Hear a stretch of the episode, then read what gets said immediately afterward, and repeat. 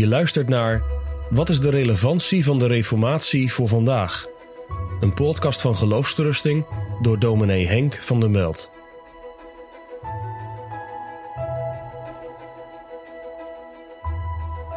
De relevantie van de Reformatie zit in dat ene woord vrijheid. Uiteindelijk staat ieder mens vrij tegenover God. Dat is gewetensvrijheid. Je kunt mensen niet dwingen tot het geloof of tot een leven tot eer van God. Want een afgedwongen geloof of een afgedwongen heilig leven, dat is helemaal geen heilig leven. Dat komt voort uit angst, uit dwang. Het evangelie bevrijdt. Johannes Calvijn heeft daarover heel mooi geschreven in de eerste editie van de institutie. In 1536 schreef hij een klein boekje met zes hoofdstukken. En het zesde hoofdstuk begint met de christelijke vrijheid. Hij noemt drie dingen. In de eerste plaats vergeving. Dan ben je echt vrij. In de tweede plaats zegt hij dat de christelijke vrijheid de gehoorzaamheid aan de wet van God betekent. Maar dan uit vrijwillige liefde en niet uit angst of uit dwang. De heiliging is dus ook een stukje van de christelijke vrijheid.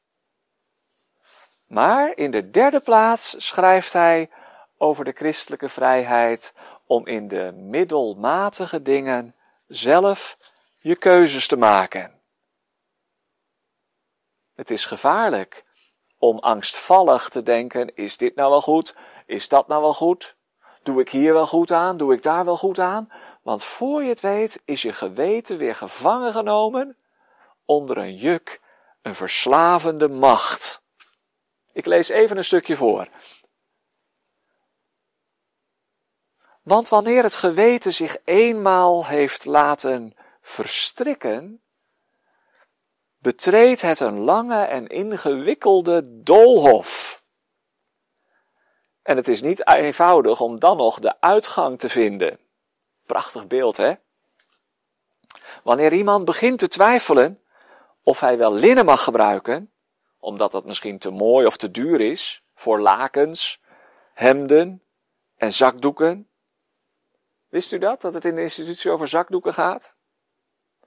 Als je denkt dat je geen linnen mag gebruiken, dan zul je vervolgens niet meer zeker weten of je hennep mag gebruiken. En tenslotte zal hij ook twijfelen aan het gebruik van vlas. Als je denkt dat je misschien niet lekker mag eten, ga je steeds minder toestaan voor jezelf. En uiteindelijk durf je niets meer te eten dan droog brood en water in plaats van wijn. Zo moet het niet, zegt Calvijn. Er is een christelijke vrijheid. Vergeving van zonde, vrijheid om voor God te leven, maar ook vrijheid om te genieten van Gods goede gaven. Ja, als een pelgrim, want we zijn op reis. Maar onderweg is er zoveel om de Heer voor te danken en zoveel om van te genieten. Want als de Zoon van God, Jezus Christus, ons vrijgemaakt heeft, dan zijn we echt vrij. Vrij voor God, vrij van de slavernij van de zonde en ook vrij om in dankbaarheid met de Here te leven.